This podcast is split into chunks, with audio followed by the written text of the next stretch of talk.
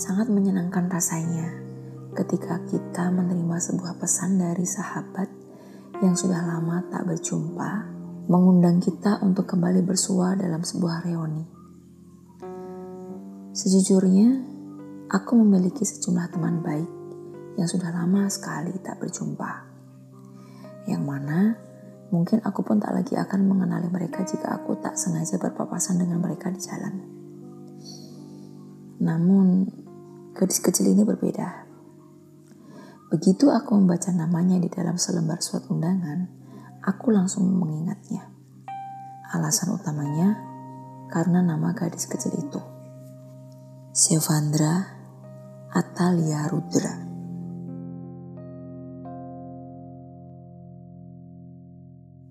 Ya, itulah nama si gadis kecil itu. Bukan sebuah komposisi nama yang umum. Nama Sevandra mungkin bukan sesuatu yang asing, tetapi juga bukan nama yang terlalu umum. Aku cukup yakin, tak banyak yang memiliki nama depan seperti itu. Atalia Rudra, jelas bukan nama yang umum. Selama 32 tahun usiaku, aku hanya pernah mendengar satu orang dengan nama seperti itu.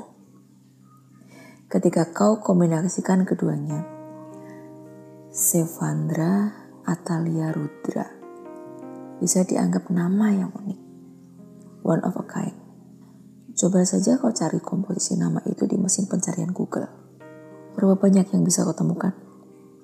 Seva, nama panggilan gadis kecil itu. Ada seorang gadis yatim piatu yang tinggal di sebuah panti asuhan di salah satu kota kecil di pesisir Sulawesi. Aku mengenal gadis kecil itu ketika aku bekerja dalam sebuah proyek keorganisasian lima tahun yang lalu. Proyek itu kebetulan melibatkan panti asuhan di mana Seva tinggal. Ia masih berusia 10 tahun ketika aku meninggalkan kota itu. Sehingga saat ini berarti hmm, seharusnya ia telah berusia 15 tahun. Pesan yang Siva tuliskan pada surat undangan itu sangat kasual, singkat, langsung ke pokok permasalahan.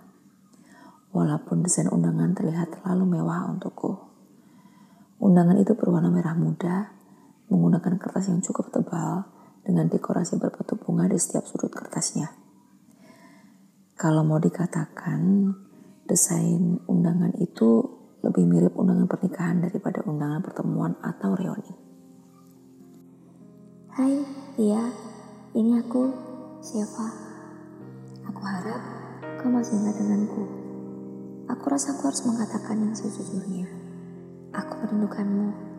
Aku akan berada di kotamu selama beberapa hari jadi, bagaimana kalau kita bersua? Aku tahu sebuah tempat yang menyenangkan. Makanannya pun enak. Serius. Ikuti saja peta menuju kafe pagi yang kulampirkan bersama surat ini. Dan temui aku di sana hari Sabtu ini, tanggal 13 Juni, pada pukul setengah tujuh malam. Oke? Sampai ketemu nanti. Salam sayang. Sevandra Atalia Rudra. Sejujurnya, aku tidak tahu bagaimana Seva bisa mendapatkan alamat rumahku. Aku memang sempat bercerita padanya kota di mana aku tinggal, tapi aku tidak pernah menyebutkan alamat rumahku. Selain itu, rasanya agak janggal menerima undangan jumpa dalam format surat undangan yang terdesain rapi di zaman di mana kau bisa mengirimkan lewat email atau chat WhatsApp. Ya, akan lebih mengejutkan kalau dia tahu alamat email atau nomor WhatsAppku daripada alamat rumahku sih. Ia tahu nama lengkapku. Ada banyak cara baginya untuk menemukan alamat rumahku dari sana. Bagaimanapun, aku pun merindukan garis kecil itu. Kuputuskan untuk mengikuti peta yang dilampirkannya dan menemuinya di sana. Hari ini adalah hari Sabtu, 13 Juni, pukul 2 siang. Aku masih punya beberapa jam untuk mandi, bersiap-siap, dan berangkat. Menjelang pukul 5 sore, aku sudah duduk di dalam mobilku. Berkendara mengikuti arahan peta yang siapa lampirkan bersama surat undangannya. Perjalanan menuju ke sana cukup jauh. Sekitar pukul 6 sore, aku baru tiba di daerah yang dimaksud. Jalanan di sana gelap dan sepi. Nyaris tidak ada bangunan apa pun. Lampu-lampu jalan pun sangat jarang. Bahkan aku nyaris tidak berpawasan dengan satu kendaraan pun. Kenapa Ziva harus mengajak ketemuan di daerah seperti ini ya? Kalau memang ada di kotaku, ada banyak kafe-kafe bagus dengan makanan enaknya di pusat kota. Semakin aku mengarah ke titik lokasi, jalanan semakin gelap dan sepi. Aku mulai ragu bahwa ada sebuah kafe bernama Kafe Pagi di tempat seperti itu. Apalagi mengingat hari sebetulnya sudah malam. Aneh rasanya mengunjungi kafe pagi di malam hari. Namun, betapa terkejutnya aku ketika aku melihat bahwa memang sebuah kafe tak jauh dari sana. Segera setelah aku berbelok di tikungan, aku melihat sebuah bangunan yang cukup kecil, tetapi lampu-lampunya menyala terang sekali. Kafe pagi. Begitulah tertulis nama kafe di papan namanya dengan lampu-lampu yang menyala menyilaukan. Kubelokkan mobilku dan kuparkirkan di depan kafe itu. Lalu aku melangkah masuk.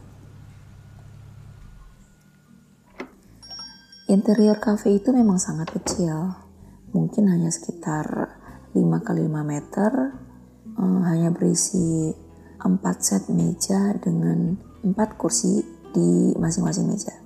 Dan sebuah meja bar di mana hanya ada seorang pelayan kafe yang berjaga di sana. Aku pun menundukkan diriku di salah satu meja yang posisinya paling dekat dengan pintu masuk yang terbuat dari kaca. Ketika duduk di sana, aku melihat sudah ada dua tamu lain di sana duduk di meja yang berbeda. Keduanya duduk sendirian dan kuamati kerap mengecek jam tangan dan ponsel mereka. Karenanya kuasumsikan mereka pun sama sepertiku, sedang menunggu kedatangan seorang teman. Tidak ada satu jam dinding pun terpajang di kafe itu. Yang kurasa agak sedikit tidak biasa. Karenanya aku angkat lengan kiriku untuk mengecek jam tanganku sendiri. Saat itu sudah pukul 7 malam dan Zeva kelihatannya belum tiba. Kuasumsikan ia masih dalam sebuah acara, apa pun itu yang membawanya ke kota ini. Terlambat sekitar setengah jam masih bisa kutoleransi, kurasa. Ketika aku melirik ke pintu kaca, sekedar memastikan apakah Siva sudah datang, aku melihat seseorang melangkah masuk. Orang itu bukan Siva ternyata. Ia seorang laki-laki muda berusia sekitar 20 tahun, bertubuh tegap dan kuat seperti seorang olahragawan. Matanya menyapu seisi ruangan, seakan sedang mencari-cari seseorang yang ia kenal. Sebelum ia akhirnya duduk di satu-satunya meja yang kosong. Kafe itu telah berisi empat orang tamu, masing-masing duduk di mejanya sendiri. Meja di kafe itu hanya ada empat, sehingga jika semua teman dari tamu-tamu kafe ini datang, kafe sudah langsung penuh. Salah satu dari dua tamu yang datang sebelum diriku, seorang wanita berusia sekitar 30 tahunan. Dia menolakkan kepalanya dan pandangan kami saling bertemu. Hai, sapanya. Hai, balasku berusaha bersikap ramah.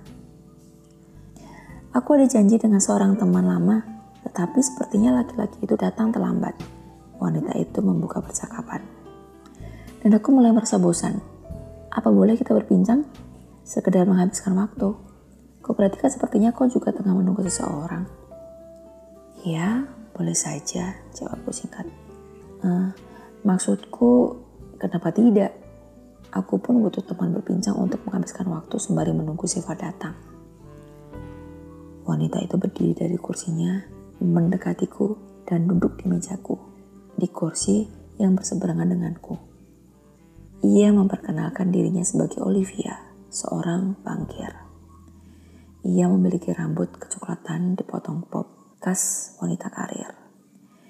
Dari yang kulihat, perawakannya cukup tinggi dan ia mengenakan blazer dan rok, seakan ia baru saja pulang dari tempat kerjanya. Tiara, sahutku turut memperkenalkan diriku. Bertemu dengan kawan lama ya? Tanyaku berbahasa basi.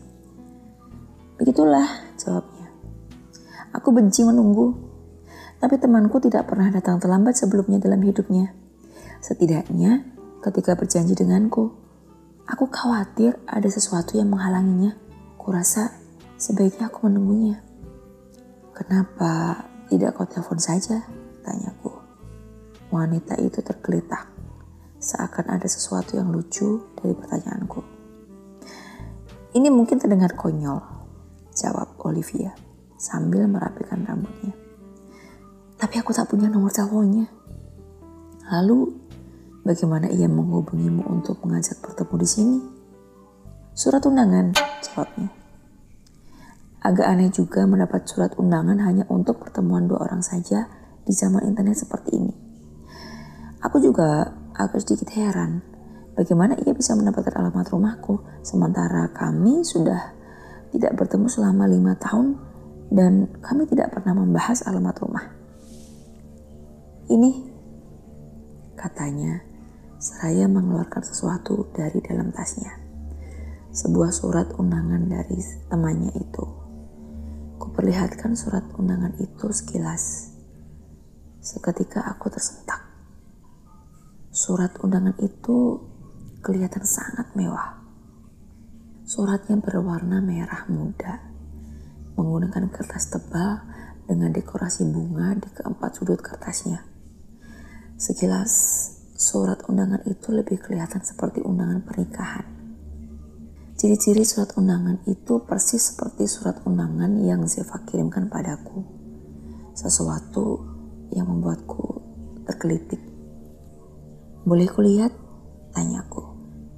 Ya, silakan jawab Olivia sambil menyodorkan surat undangan miliknya lebih dekat ke arahku.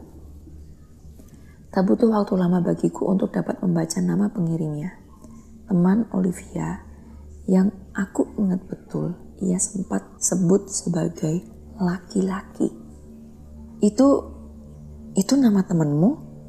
Tanyaku sambil tergagap sambil menunjuk nama yang tertera di surat undangan dengan jari telunjukku. Iya, itu nama temanku, jawabnya. Kenapa? Kubuka tasku dan kukeluarkan surat undanganku. Kuletakkan bersisihan dengan milik Olivia. Kedua surat undangan itu sangat identik. Selain nama orang yang dituju, semuanya sama. Warna, desain, dekorasi sampai ke nama pengirimnya. Sevandra Atalia Rudra. Oh, kata Olivia terkejut. Kau teman Seva juga? Wah, ini kejutan yang sangat tak terduga. Ya, semacam itu aku rasa. Jawabku sambil tergagap.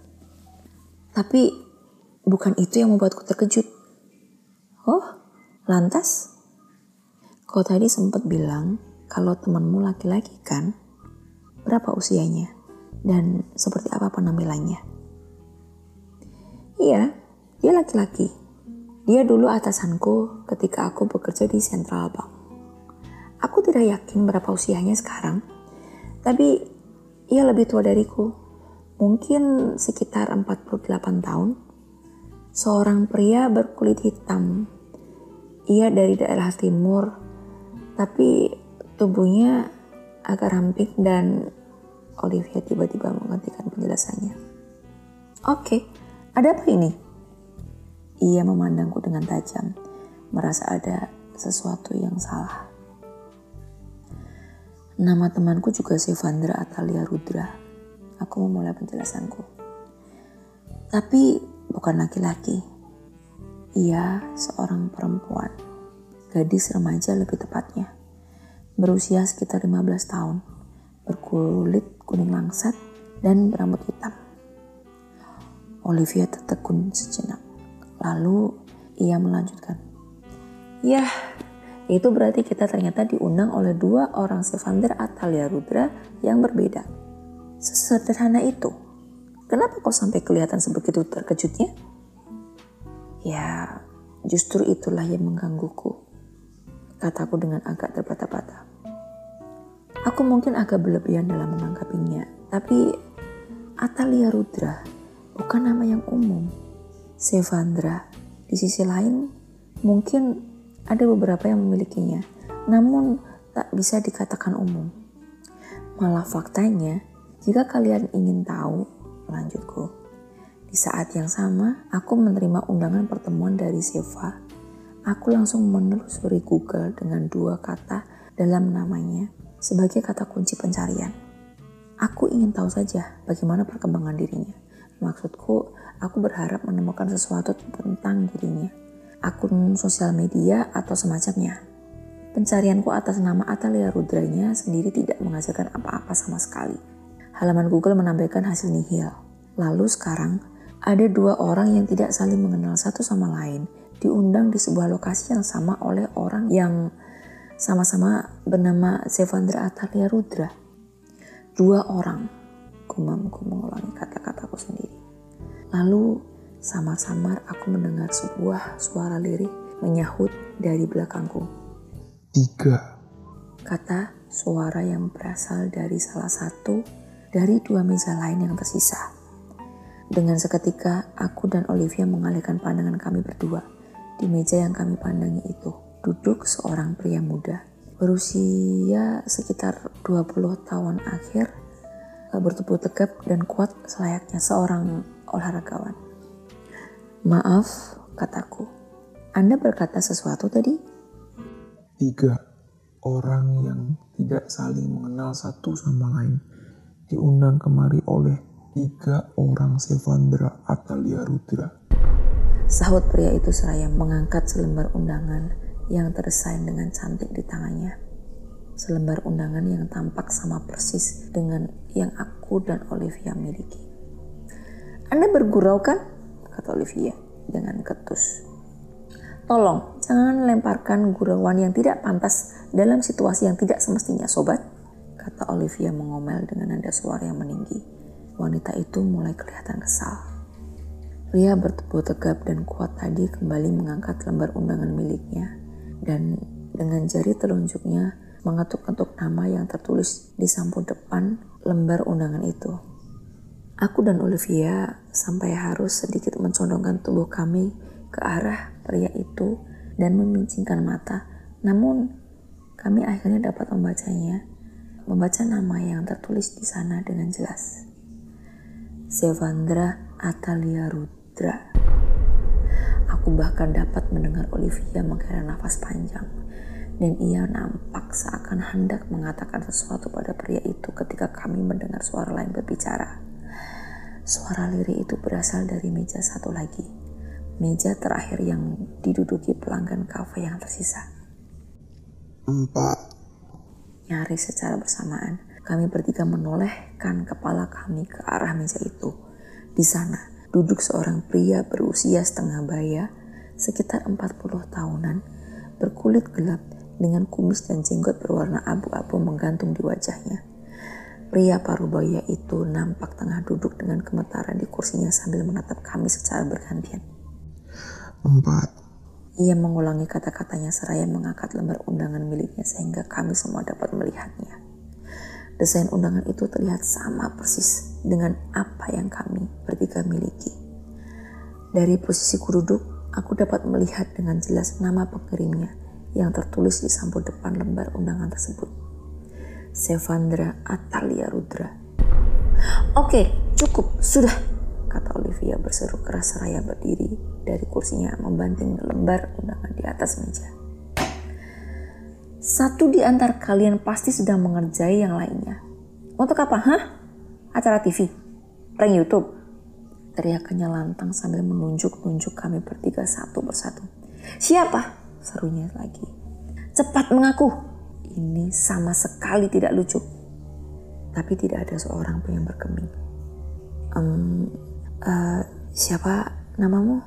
Tanya aku pada pria tegap tadi. Rian. Jawabnya. Rian, kataku. Seperti apa ciri-ciri Sevander Atalia Rudramu? Ia kelihatan ragu-ragu pada awalnya, namun ia akhirnya berbicara. Seorang anak laki-laki. Jawabnya. Terakhir kali aku bertemu dengannya, ia masih berusia 4 tahun. Itu sudah lima tahun yang lalu. Berarti ia seharusnya sudah berusia 9 tahun saat ini. Seorang anak laki-laki berusia 9 tahun, pikirku. Aneh sekali untuk seorang anak berusia 9 tahun mengajak seorang pria dewasa berusia 20-an tahun bertemu di tempat seperti ini di jam seperti ini. Apakah ia bilang akan datang dengan siapa? Maksudku, ia masih 9 tahun. Dengan neneknya. Jawab pria tegap itu. Sejak berusia 2 tahun, dia diasuh oleh kakek dan neneknya. Rumah kakek dan neneknya bersebelahan dengan asrama tempatku tinggal ketika aku menjadi peserta Olimpiade sepak bola pada waktu itu. Kami jadi akrab karena aku mengajarinya bermain sepak bola selama aku tinggal di sana. Kami bertiga lalu dengan serta-merta mengalihkan pandangan kami kepada penghuni meja yang satu lagi, sang laki-laki parubaya. Kalau Anda pak, tanya Olivia dengan ketus pada laki-laki parubaya itu. Olivia, dia jauh lebih tua darimu. Tunjukkanlah sedikit rasa hormat, hariku. Kupalingkan kembali pandanganku pada laki-laki parubaya itu dan kembali aku bertanya padanya dengan lembut dan perlahan. Pak, laki-laki parubaya itu memandangiku lekat-lekat lalu mengalihkan pandangannya pada Olivia dan Rian. Seorang wanita parubaya, sepantaran denganku. Jawabnya. Berkulit putih, cantik dan agak sipit, mirip seperti keturunan Tionghoa.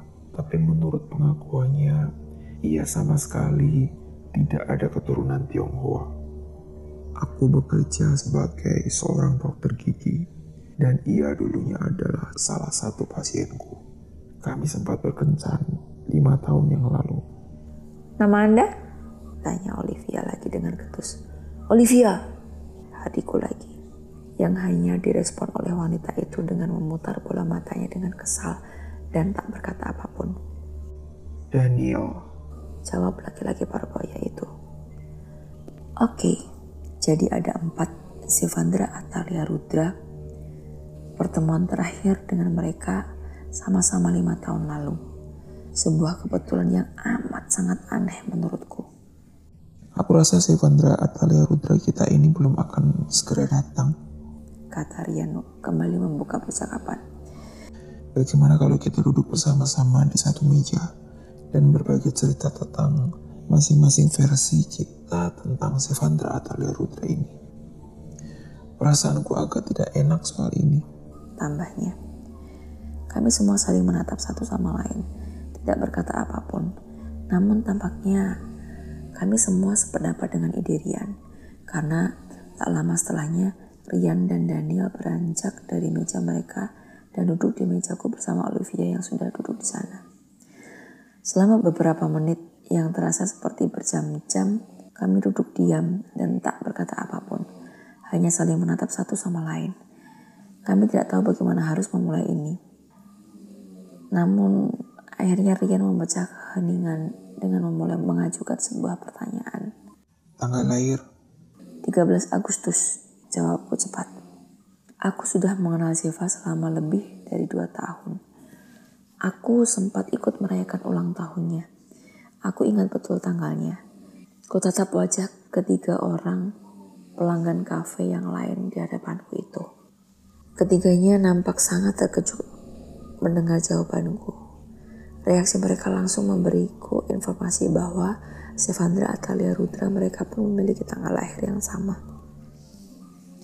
Tempat tanggal lahir? Tanya Olivia.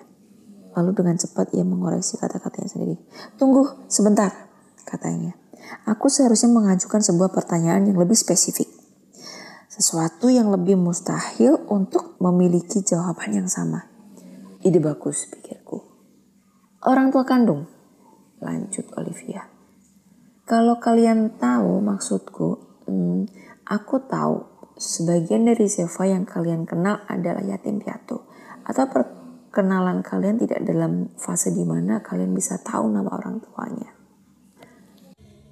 Andrea. Jawab Daniel. Kami semua seketika tercekat. Aku dapat dengan jelas melihat kengerian di wajah Olivia dan Rian. Dan lalu di wajah Daniel ketika ia melihat ekspresi mereka berdua.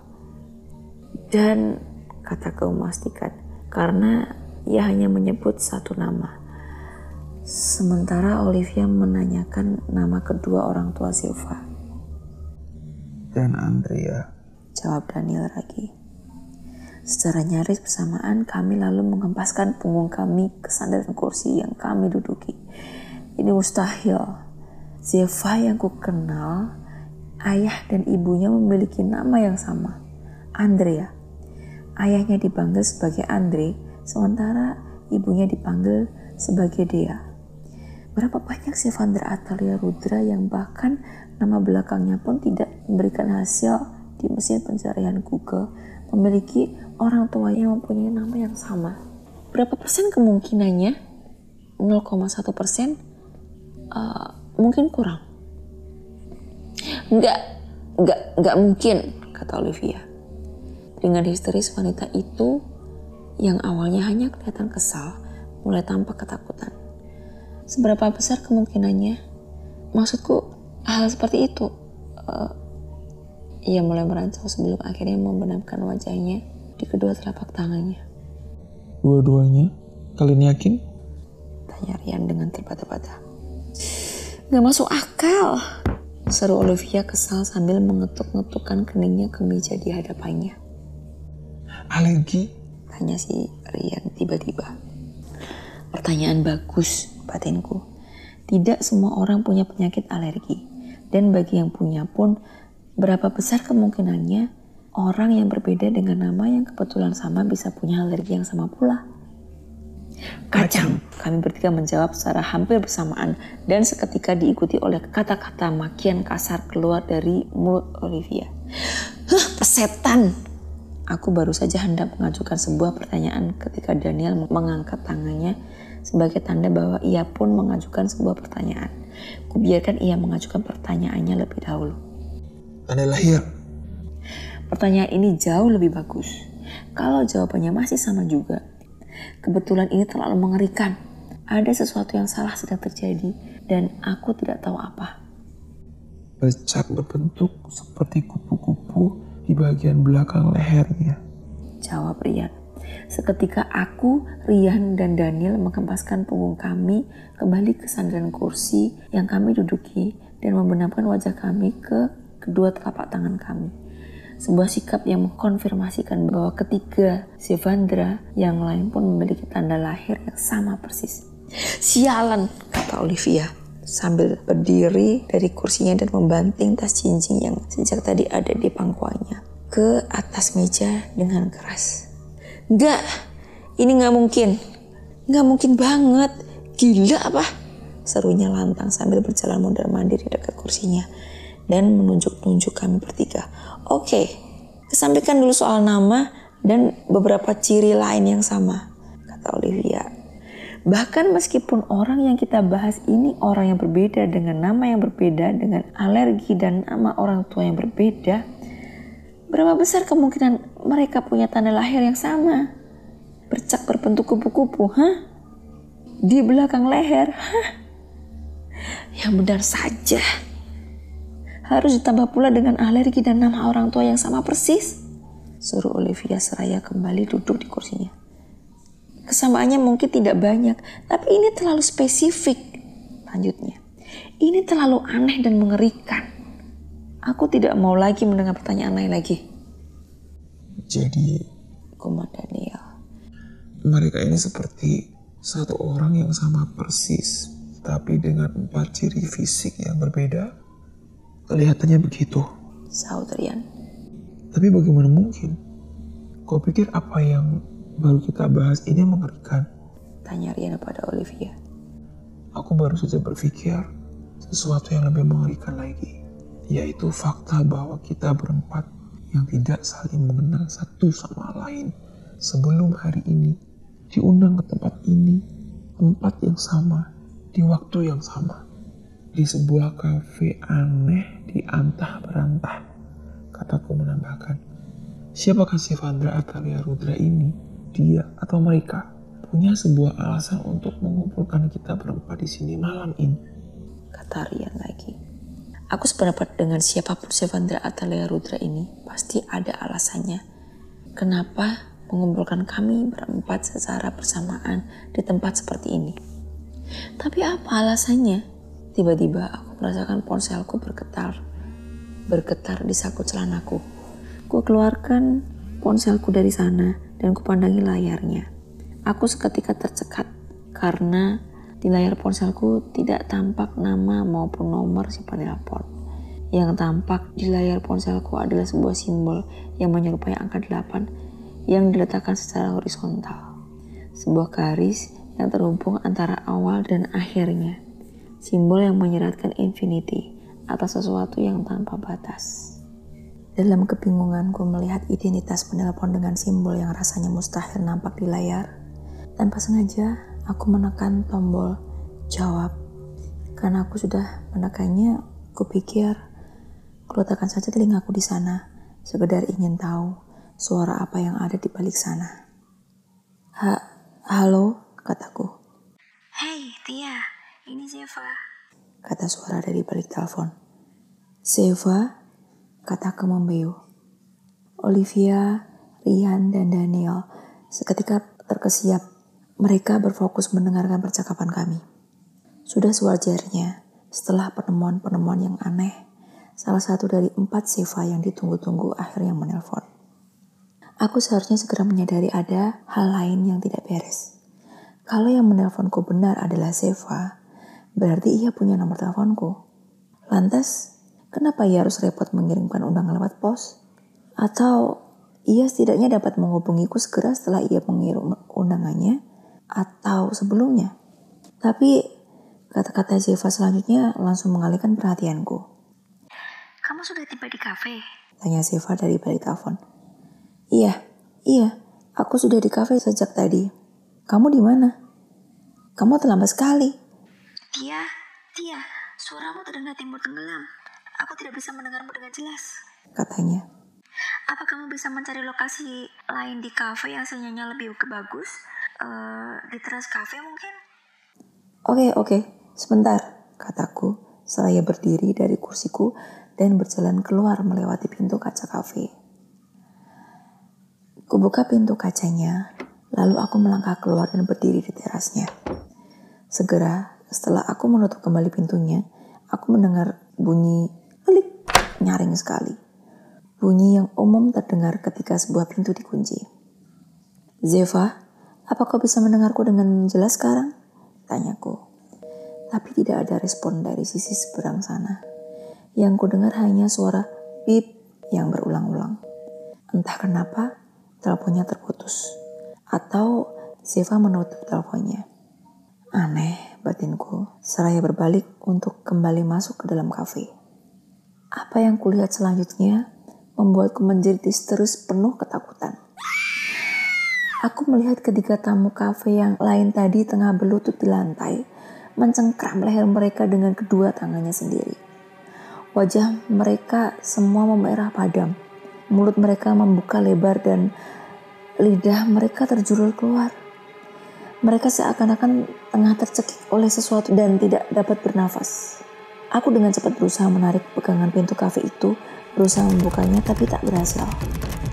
Aku mencoba menarik dan mendorongnya, namun sia-sia. Pintu kafe itu terkunci rapat. Hei, hei kalian, Olivia, Rian, Daniel. Aku berteriak memanggil-manggil nama mereka sambil menggedor-gedor pintu kaca kafe itu dengan panik dan ketakutan. Sesaat kemudian, Aku melihat asap tebal dan berwarna gelap bertiup dari belakang kafe, semakin mendekat ke arah pintu kaca. Tak butuh waktu lama, asap tebal dan hitam itu sudah memenuhi seisi kafe. Aku tak dapat lagi melihat mereka bertiga dari balik pintu kaca. Lalu tiba-tiba, aku melihat sepasang telapak tangan menempel ke kaca dari dalam kafe. Aku tak dapat melihat tangan siapa itu pada awalnya karena selain telapak tangan, bagian lain tubuhnya tertutup asap. Tapi lalu orang itu menempelkan tubuhnya ke pintu kaca, sehingga aku dapat melihatnya mengenakan seragam seperti seragam pelayan kafe. Ketika aku mengalihkan pandanganku ke atas, aku melihat sesosok wajah yang mengenakan masker gas. Si pelayan kafe di kafe pagi? Sebentar.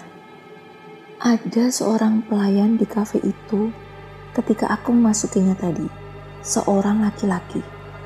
Aku tidak dapat mengingat wajahnya, dan bahkan aku sama sekali tidak mengingat keberadaannya sampai ketika ia menempelkan tangannya ke pintu kaca dari sisi dalam sesaat lalu. Lalu laki-laki berseragam pelayan itu melakukan sesuatu yang tak kuduga.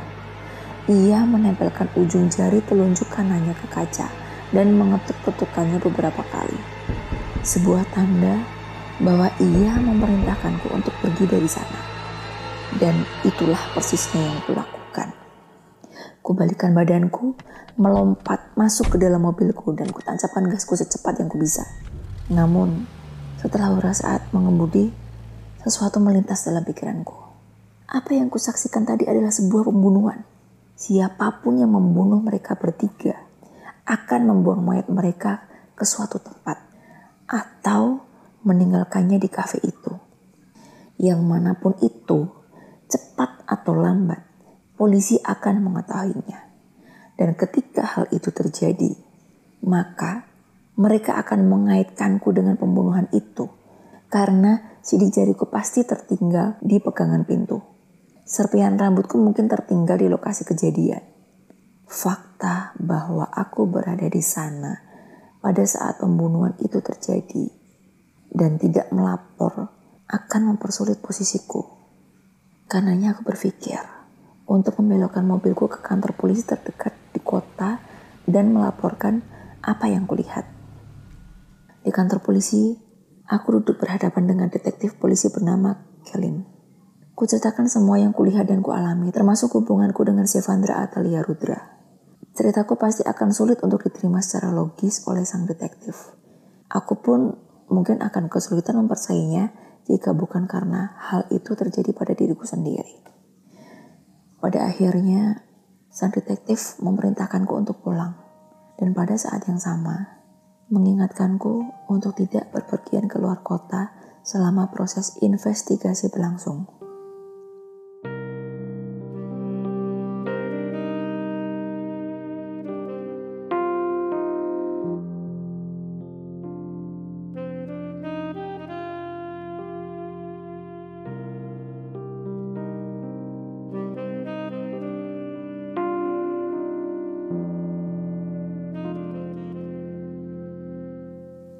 Tidak ada kabar apa pun dari detektif Kelin selama dua minggu setelahnya. Aku pun nyaris saja melupakan soal peristiwa itu. Sampai pada suatu hari, seseorang mengetuk pintu rumahku. Ketika aku membukanya, aku melihat detektif Kelin berdiri di ambang pintu rumahku. Selamat siang, Mbak Tiara. Sapanya ketika aku membukakannya pintu. Oh, Pak Detektif, silakan masuk, kataku. Kedatangan Anda, saya tebak, karena ada perkembangan perihal peristiwa yang saya laporkan? Tanyaku ketika kami berdua telah sama-sama duduk di sofa ruang tamuku.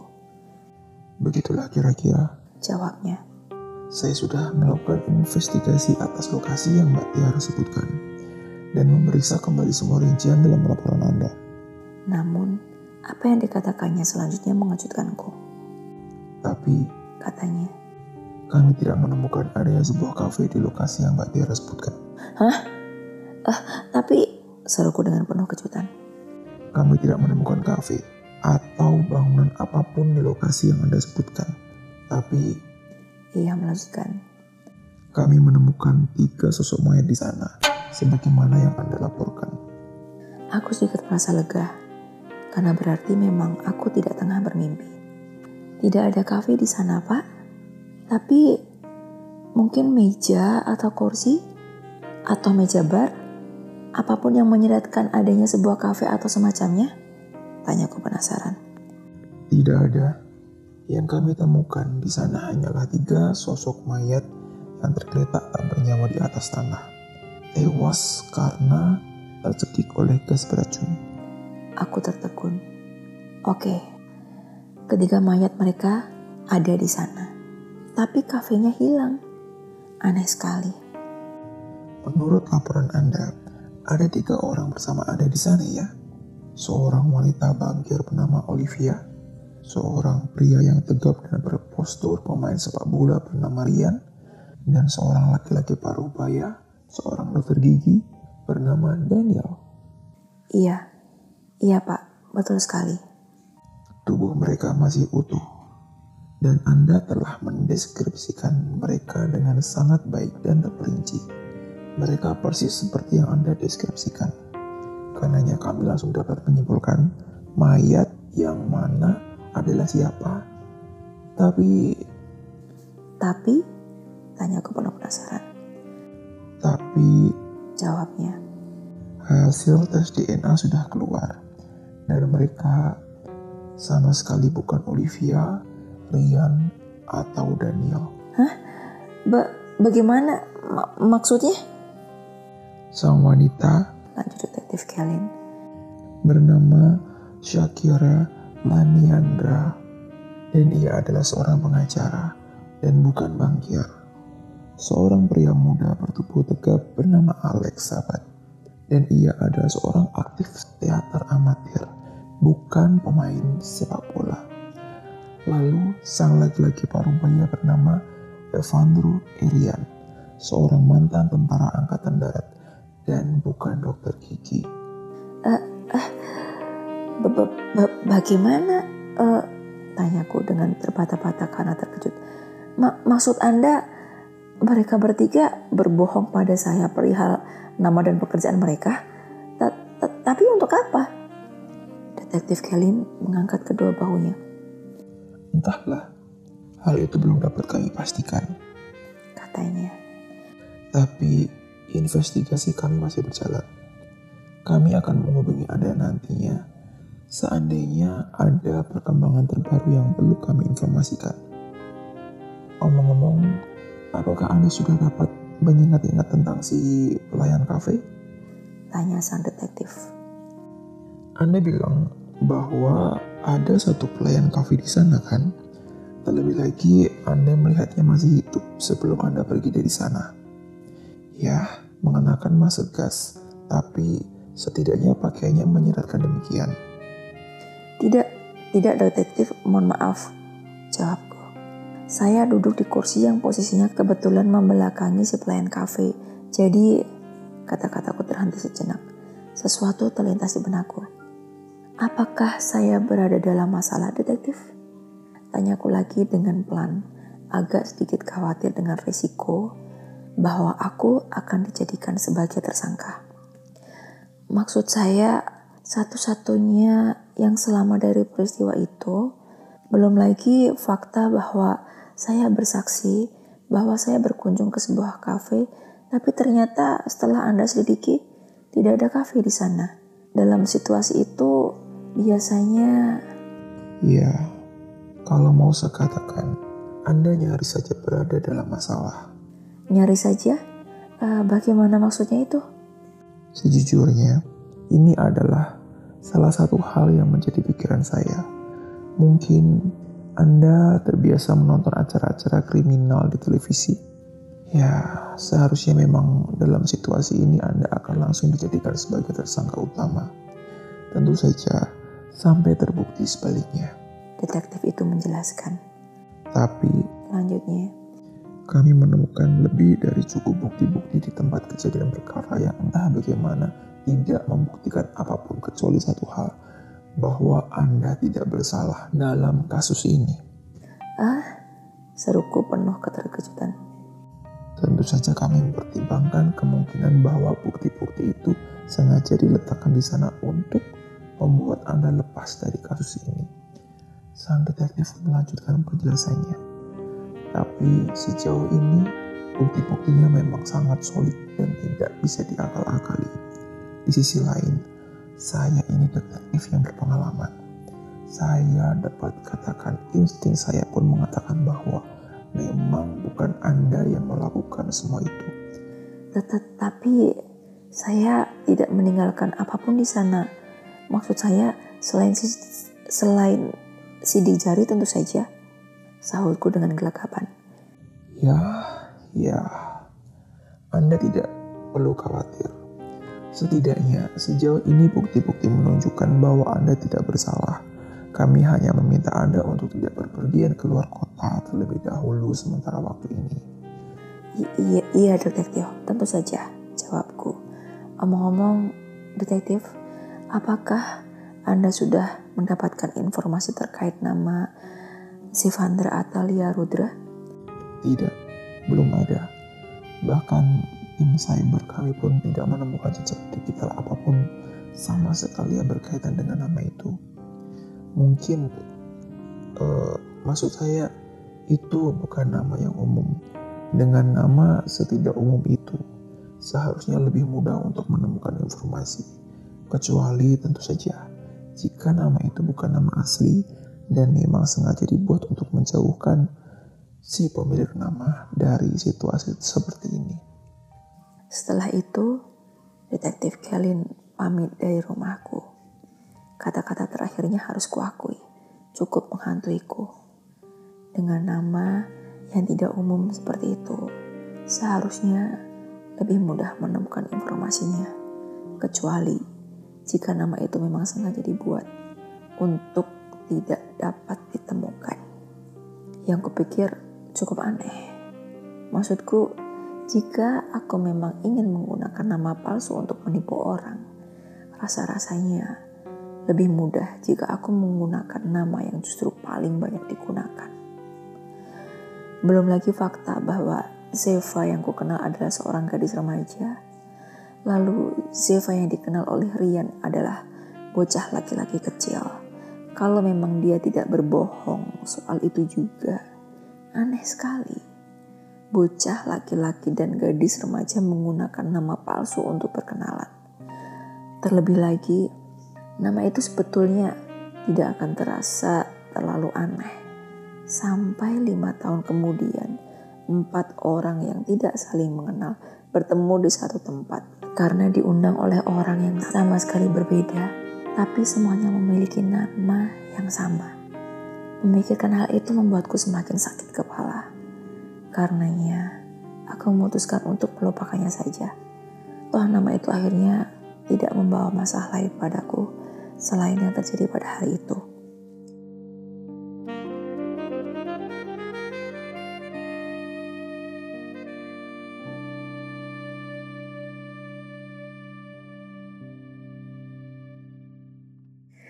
Lalu beberapa hari kemudian, sepulang dari kerja aku mengecek kotak posku. Ada selembar amplop di sana. Betapa terkejutnya aku ketika membaca nama pengirim amplop itu di sisi belakangnya. Sevandra Atalia Rudra. Setelah sekian lama, Seva kembali mengirimiku surat. Kupikir semua ini sudah berakhir. Tapi ternyata nampaknya tidak seperti itu. Dengan penuh penasaran, aku berlari masuk ke dalam rumah dengan membawa amplop itu. Tidak seperti undangannya ia kirimkan sebelumnya. Amplop itu biasa saja. Hanya sebuah amplop putih dengan perangko dan namaku di sisi depan dan nama pengirimnya di sisi belakang.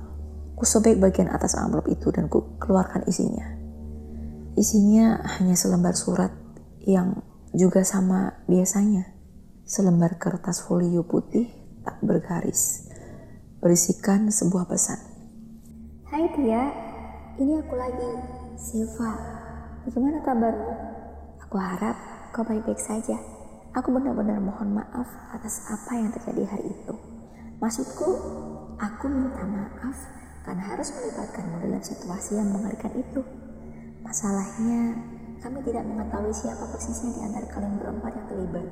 Kami tahu bahwa hanya tiga dari empat orang di sana yang terlibat dalam peristiwa itu. Tapi kami tidak tahu siapa. Tapi kami juga tidak ingin mengorbankan orang yang tidak ada hubungannya. Karenanya kami terpaksa mengundang kalian semua ke sana. Teras yang menjaga kafe itu yang melakukan pengecekan langsung di lokasi. Aku lalu menelponmu untuk memancingmu keluar dari kafe agar Taras dapat eksekusi mereka bertiga tanpa turut mengorbankanmu. Tapi jangan khawatir, kami sudah memastikan agar kau tak terlibat masalah. Kau pasti menyimpan banyak pertanyaan. Sayangnya, aku tidak bisa menjawabnya. Tidak untuk saat ini. Satu-satunya yang bisa aku beritahukan padamu adalah bahwa kami, empat orang Sevandra Atalia Rudra yang kamu kenal dan dengar, memang benar-benar ada. Tentang kami, kami persis seperti yang kamu kenal. Dan yang dideskripsikan kepadamu oleh ketiga orang itu. Malah, kalau kau ingin tahu, kami bukan hanya berempat.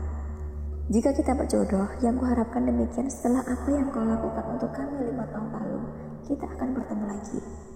Sampai saat itu, jaga dirimu baik-baik. Salam sayang, Sevandra Atalia Rudra.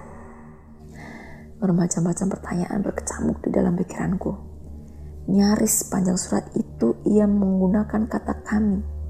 Kami itu siapa? Sevandra Atalia Rudra? Yang dikatakannya bukan hanya berempat. Ada berapa banyak Sevandra Atalia Rudra itu? Kenapa ada sebanyak itu? Dan kalau memang ada sebanyak itu, kenapa polisi sama sekali tidak dapat menemukan sedikit pun informasi tentang mereka? Ketiga orang itu, menurut surat ini, terlibat dalam sesuatu hal. Terlibat dalam apa?